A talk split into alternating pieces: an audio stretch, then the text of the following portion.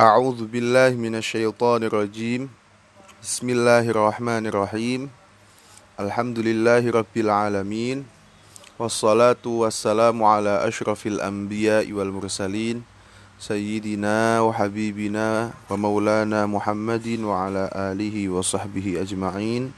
أما بعد سبحانك لا علم لنا إلا ما علمتنا إنك أنت العليم الحكيم. ربي اشرح لي صدري ويسر لي أمري واحلل عقدة من لساني يفقه قولي ولا حول ولا قوة إلا بالله العلي العظيم Alhamdulillah teman-teman sekalian hmm, Kesempatan hari ini kita masih bisa melanjutkan uh, Monolog Tentang pembahasan sifat wajib bagi Allah Subhanahu wa taala pertemuan pertama kemarin kita sudah membahas tentang sifat wujudnya Allah Subhanahu wa taala. Setelah wujud kita masuk ke pembahasan yang kedua yaitu sifat tidam. Teman-teman sekalian, uh, perlu diketahui bahwasanya dari 20 sifat yang akan kita bahas itu sejatinya 20 sifat itu terbagi ter, terbagi dalam empat, empat sifat saja. Ada sifat nafsiyah. Sifat nafsiyah itu isinya cuma wujud saja, sifat wujudnya Allah yang kemarin sudah dibahas. Kemudian ada sifat salbiyah. Sifat salbiyah ini ada lima. Sifat salbiyah ada lima. Qidam, baqa mukhalafatul hawadis qiyamuhu binafsihi dan wahdaniyah. Itu sifat salbiahnya Allah taala. Sifat salbiah itu apa artinya? Nanti sebelum kita membahas kitab nanti kita akan singgung sedikit tentang masalah sifat salbiah kemudian setelah sifat salbiah yang ketiga ada namanya sifat maknawiyah. Sifat maknawiyah di sini terdiri dari tujuh sifat. Kudroh, irodah, ilmu, hayat, sama, basor, dan kalam. Tujuh sifatnya Allah Ta'ala yang maknawiyah. Kemudian yang terakhir ada pembagian yang keempat ada sifat ma'ani. Sifat ma'ani itu ada qadiron, kaunuhu qadiron, kaunuhu muridan, kaunuhu aliman, kaunuhu hayyan, sami'an, basiran dan yang terakhir kaunuhu mutakaliman. Jadi uh, pas 20 ya. Yang pertama sifat nafsiyah ada satu, sifat salbi ada lima, jumlahnya enam. Ditambahkan sifat maknawiyah ada tujuh, berarti 13. Kemudian ada sifat ma'ani, uh, ada tujuh juga ditambahkan menjadi 20 sempurna menjadi sifatnya Allah Subhanahu wa taala. Sifat wajibnya Allah Subhanahu wa taala. Kita coba sekarang masuk masuk dalam pembahasan al-qidam. Uh, al-qidam ini adalah sifat pertama. Sifat pertama dari beberapa sifat salbiyah yang akan kita bahas. Jadi sekarang kita sudah masuk ke sifat salbiyah. Kemarin kita masuk ke sifat nafsiyah. Sifat nafsiyah itu sifat yang zati, sifat substansial, sifat esensial, sifat paling pokok di antara sifat-sifat yang lain. Itu adalah sifat wujud. Kemudian di sini kita masuk ke pembahasan sifat salbiyah. Sifat salbiyah itu apa? Uh, Syekhul Azhar yang ke-19 Syekh Ibrahim Al-Bajuri dalam kitabnya Tuhfatul Murid mengatakan beliau As-sifat al-salbiyah ay allati dallat ala salbi ma la yaliqu bihi subhanahu wa ta'ala Sifat salbiyah itu adalah sifat-sifat yang menunjukkan atas negasi sifat yang tidak pantas ditempelkan atau disandarkan kepada Allah Subhanahu wa taala. Jadi kita apa namanya meniadakan sifat-sifat yang tidak pantas bagi Allah Subhanahu wa taala. Walaisat munhasiratan ala sahihi wa addal musannifu minha khamsatan li'anna ma adaha min nafyil walid was sahibati wal mu'ini wa ghairi dhalika mimma la nihayata lahu raji'un ilaiha walau bil iltizam jadi apa namanya sifat kidam itu atau sifat salbia kita sekarang bahas sifat salbia ternyata tidak terbatas. Tidak ada batasan daripada sifat salbia. Ya. kemudian itu menurut pendapat yang sahih tidak ada apa namanya eh, batasan dari sifat salbia. Dan musonef di sini apa namanya hanya membahas cuma lima. Yaitu kan kita tadi sudah bahas sifat salbiyah kan cuma lima. Qidam baqo mukhalafatulil hawadith qiyamuhu binafsihi wah daniyah. Lima sifat ini adalah sifat salbiyah tapi sejatinya sifat salbiyah itu sesungguhnya ada banyak sekali. Tidak bisa terhitung. Tidak ada akhirnya tidak bisa dihitung karena apa termasuk sifat salbiyah itu adalah bahwasanya Allah tidak mempunyai anak Allah tidak mempunyai orang tua Allah tidak mempunyai istri. Allah tidak butuh pertolongan zat lain. Itu adalah sifat-sifat salbiyah yang tidak pantas disandarkan uh, kepada Allah Subhanahu wa taala. Anak beranak tidak pantas disandarkan kepada Allah Subhanahu wa taala. Kemudian apa namanya? mempunyai bapak juga tidak pantas disandarkan kepada Allah Subhanahu wa taala. Juga uh, mempunyai istri nggak pantas disandarkan kepada Allah Subhanahu wa taala. Juga mempunyai pertolongan mem, apa mempunyai zat yang bisa dimintai tolong oleh Allah Subhanahu wa taala juga tidak pantas disandarkan kepada Allah Subhanahu wa taala. Sekarang kita masuk dalam al-qidam. Al-qidam ini adalah salah satu sifat yang salbiyah Maknanya apa? Allah itu tidak ada awal dari wujudnya. Jadi kemarin kita sudah apa namanya membahas tentang wujudnya Allah Subhanahu wa taala. Sekarang kita membahas sejak kapan ada wujudnya Allah Subhanahu wa taala? Jawabannya adalah fallahu qadimun lahu qidam. Allah itu adalah sifatnya qadim Kodim itu apa? Kodim itu adalah ada muftitahil wujud. Tidak mempunyai permulaan dalam wujudnya. Berarti ini adalah menegasikan atau menghilangkan sifat permulaan wujud dalam Allah Subhanahu wa taala. Jadi kita tidak mengatakan bahwasanya Allah itu mempunyai permulaan dalam wujudnya. Jadi Allah itu ada tanpa permulaan. Itu ini adalah makna qidam. Kalau kita bahas lebih panjang. Jadi Allah itu kenapa mempunyai sifat kidam yaitu ada tanpa permulaan. Bukankah semua kita ini pasti terikat dengan yang namanya waktu. Kita semua pasti terikat dengan yang namanya waktu. Kenapa kok Allah Subhanahu wa taala wujudnya tidak terikat dengan waktu, bahkan wujudnya itu kodim tanpa permulaan. Ya. Allah zatnya tanpa permulaan dalam wujudnya. Saya mengatakan bahwasanya ternyata waktu yang selama ini kita anggap keberadaannya itu adalah sesuatu yang tidak ada sejatinya. Jadi waktu yang selama ini kita anggap ada, sejatinya itu ternyata tidak ada, kawan-kawan. Bagaimana bisa waktu itu di dalam dunia ini tidak ada, padahal kita tidak terlepas dengan yang namanya waktu. Jam 1, jam 2, sekarang di Kairo jam setengah satu ya, setengah dua, setengah tiga. Nah, bukankah itu waktu? Kalau itu bukan waktu, terus apa namanya? uh, begini teman-teman, untuk masalah waktu, Kenapa kok Allah Subhanahu wa taala tidak disifati dengan waktu ya? Tanpa permulaan kan berarti Allah terbebas dari yang namanya waktu, ya kan? Berarti maknanya seperti ini. Waktu itu memang tidak ada sejatinya.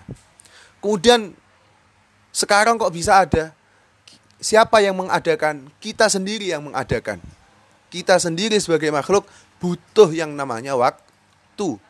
Kenapa? Waktu itu sejatinya bukan jam 1, jam 2, jam 3, jam 4, jam 5, bukan itu waktu.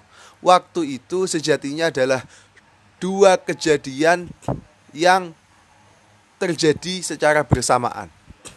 Itu adalah waktu.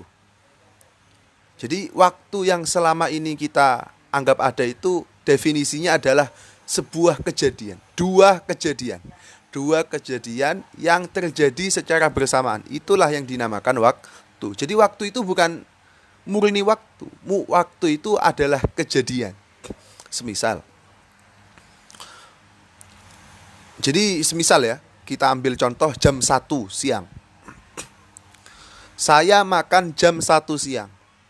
Sejatinya, teman-teman sekalian, bumi ini kita kembalikan ya, kembalikan ke yang jauh.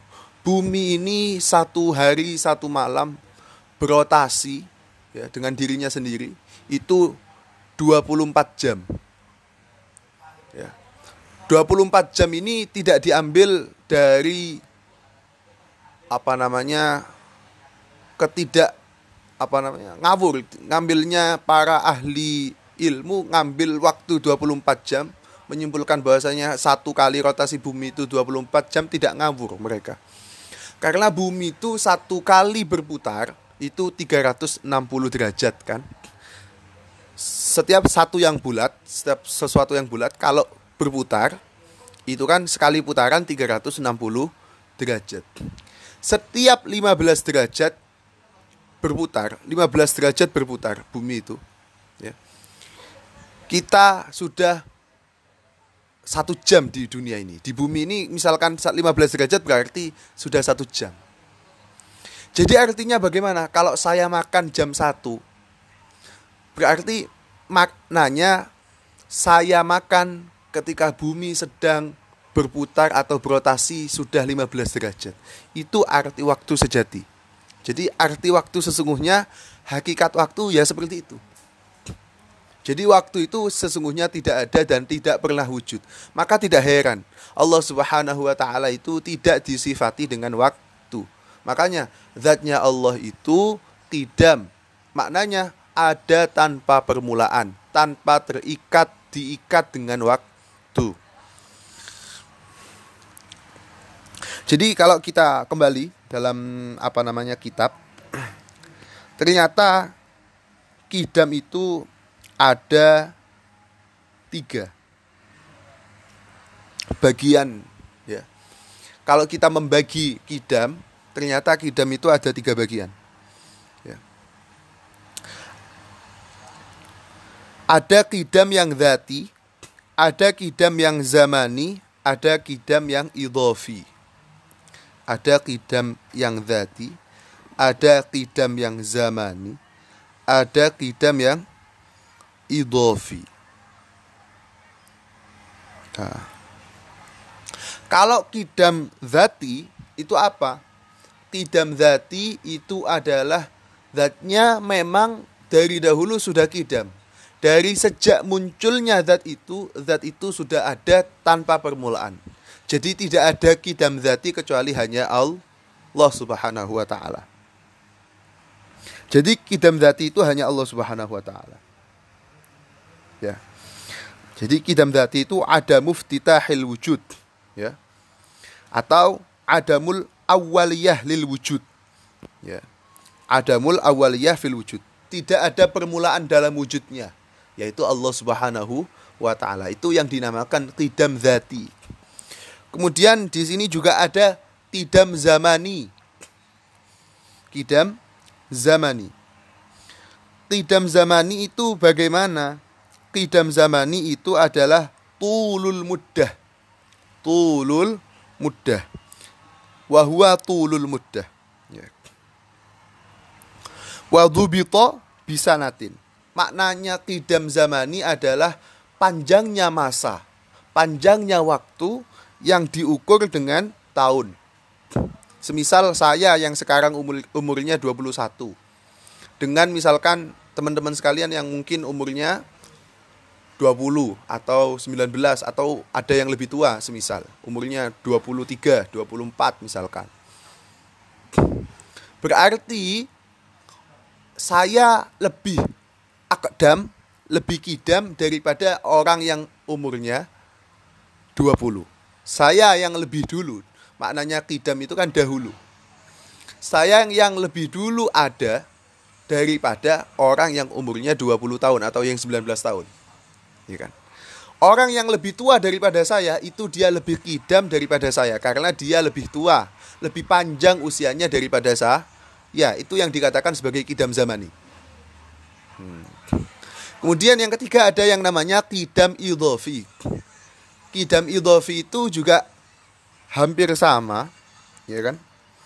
Kidam idhofi itu adalah eh, kidam yang nisbi Kidam yang sifatnya penyandaran. Semisal contoh, ayah kepada anak, maka ayah yang lebih dahulu daripada anaknya. Berarti bagaimana? Nggak mungkin seorang anak itu lebih dahulu daripada ayahnya dalam wujudnya. Tentu ayahnya dahulu yang wujud kemudian anaknya. Ini namanya kidam idofi. Begitu pula kakek kepada ayah, ya kan? kakek dengan ayah, kakak dengan adik. Itu lebih kidam kakaknya daripada adiknya. Tetapi ini namanya kidam idhofi. Kidam idhofi. Kita sandarkan kakak, adik, ya, al-ukhuwah namanya.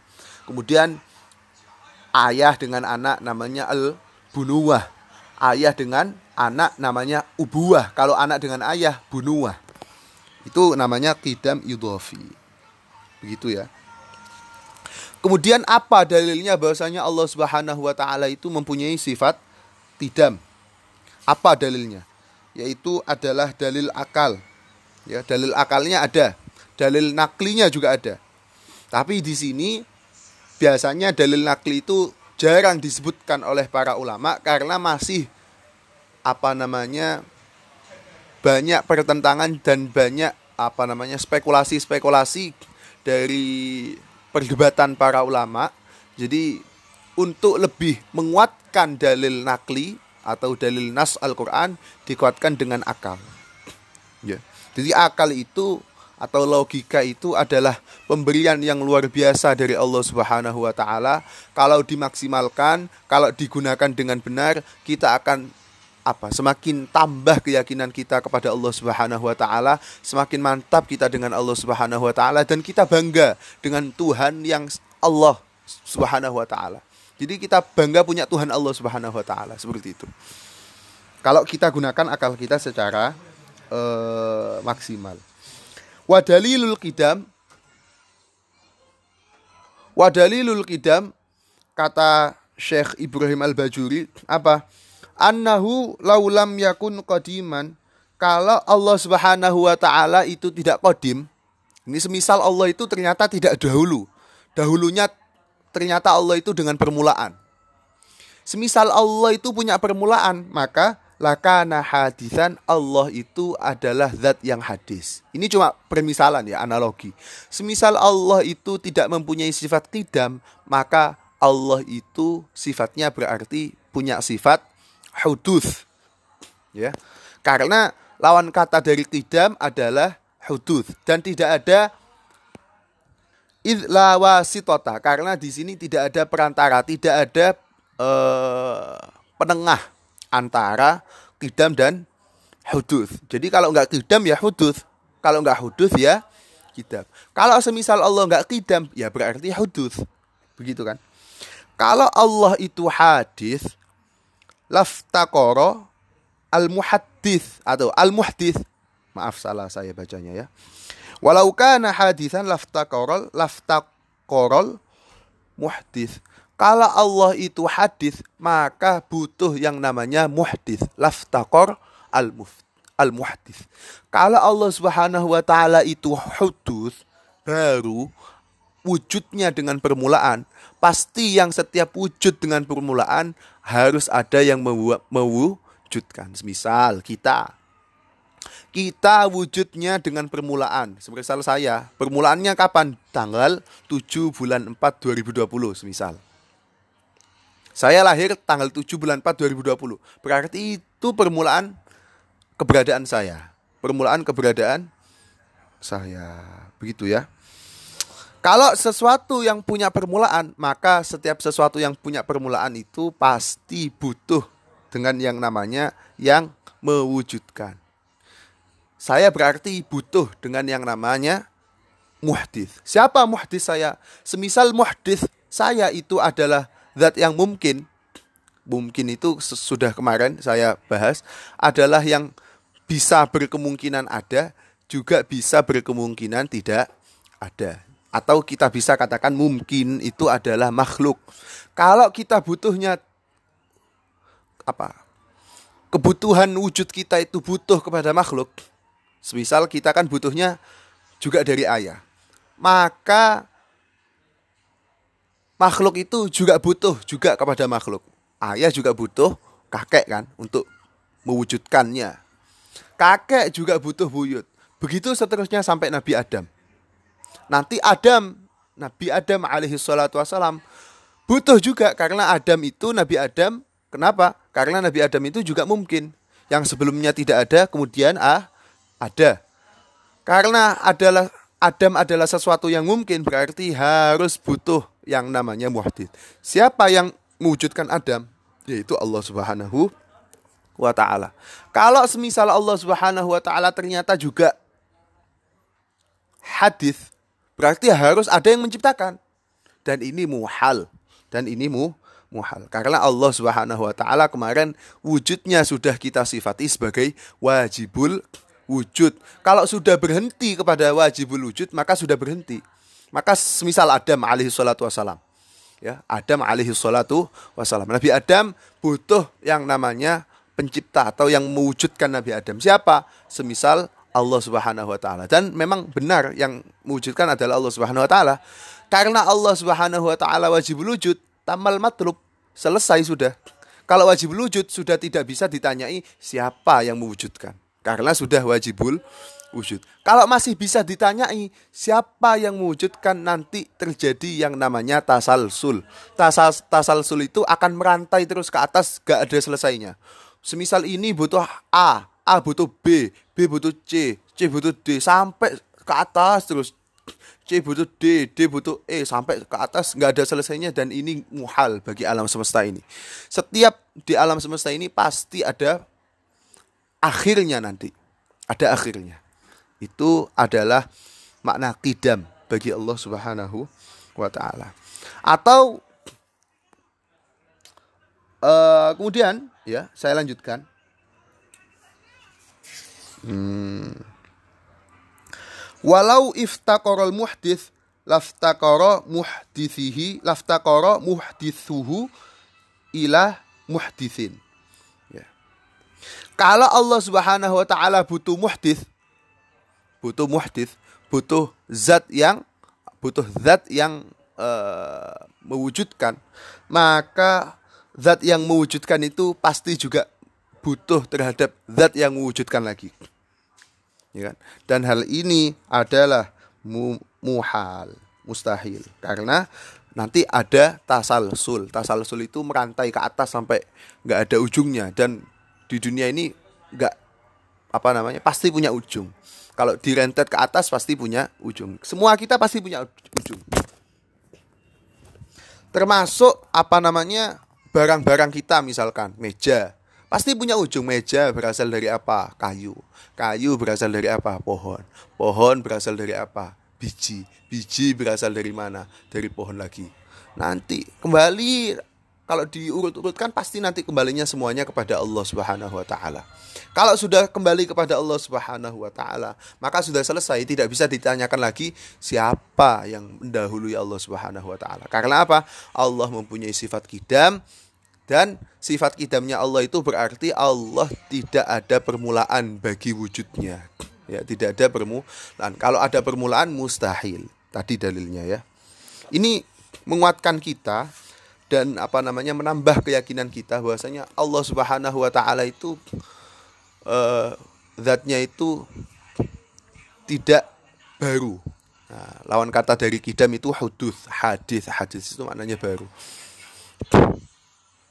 Karena kita kalau tengok kepada Tuhan-Tuhan orang-orang yang lain semisal, semisal siapa? Tuhan A Pasti Tuhan itu nanti ada permulaannya. Semisal ada yang mengatakan Tuhan saya Fir'aun misalkan. Ternyata Fir'aun itu juga dilahirkan. Sebelumnya tidak ada. Kalau sebelumnya tidak ada, berarti itu adalah hadis. Dan nggak mungkin Tuhan itu hadis. Karena apa? Kalau hadis pasti masih membutuhkan kepada muhadis. Kalau masih membutuhkan, Tuhan kok membutuhkan? Nggak pantas. Tuhan membutuhkan itu nggak pantas. Ya. Tuhan itu nggak boleh fakir, nggak boleh butuh kepada zat lain. Semisal Tuhan kita Nabi Isa juga nggak pantas. Kenapa? Nabi Isa itu sebelumnya tidak ada. Kemudian dilahirkan oleh Siti Maryam, Sayyidah Maryam alaihissalam. Ya. Ini menunjukkan bahwasanya apa? Wujudnya Nabi Isa butuh. Butuh apa? Butuh Sayyidatina Maryam alaihissalam. Karena butuh terhadap Sayyidatina Maryam, maka Nabi Isa tidak bisa dikatakan sebagai Tuhan karena masih yang masih mempunyai sifat yang namanya butuh. Kemudian misalkan ada syubhat atau ada pertanyaan yang sangat menyimpang. Allah Subhanahu wa taala ternyata juga butuh malaikat dalam mengurusi alam semestanya. Buktinya Allah Subhanahu wa taala butuh malaikat Mikail untuk membagi rizki kepada seluruh makhluk. Allah Subhanahu wa taala butuh malaikat Ridwan untuk menjaga surga. Apakah Allah Subhanahu wa taala tidak bisa sendirian dalam mengurusi alam semestanya? Saya katakan Allah Subhanahu wa taala sejatinya bisa mengurusi seluruh apa yang ada di alam ini.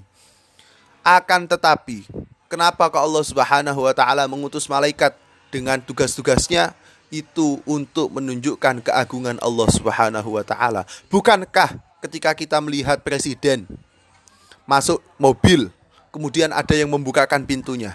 Bukankah presiden itu mampu membuka pintunya? Kenapa butuh orang untuk membukakan pintunya? Kenapa dibukakan? Itu menunjukkan keagungan presiden. Kalau pintunya presiden dibukakan, itu menunjukkan keagungan presiden. Begitu pula Allah Subhanahu wa taala yang pemilik semesta. Tidak etis bagi Allah Subhanahu wa taala pemilik semesta, pemilik alam raya ini bekerja sendirian seolah-olah Allah Subhanahu wa taala itu ya apa namanya? Apa namanya? nggak punya apa namanya uh, apa pembantu lah bukan pembantu katanya ya. kalau masih kat, apa uh, kalau masih dibilang pembantu Allah Subhanahu Wa Taala gak butuh bantuan sejatinya tapi itu untuk menunjukkan keagungan Allah Subhanahu Wa Taala ya jadi bukan bahasanya bukan pembantu bukan pembantu itu untuk menunjukkan keagungan Allah Subhanahu wa taala. Mungkin kurang lebih cukup sekian uh, sifat yang kedua ini pembahasannya. Kurang lebih saya mohon maaf semisal tadi ada apa namanya suara-suara yang lain dari teman-teman saya, saya mohon maaf juga karena di sini saya juga tidak sendirian. Uh, syukran ala husni timamikum. Wassalamualaikum warahmatullahi wabarakatuh.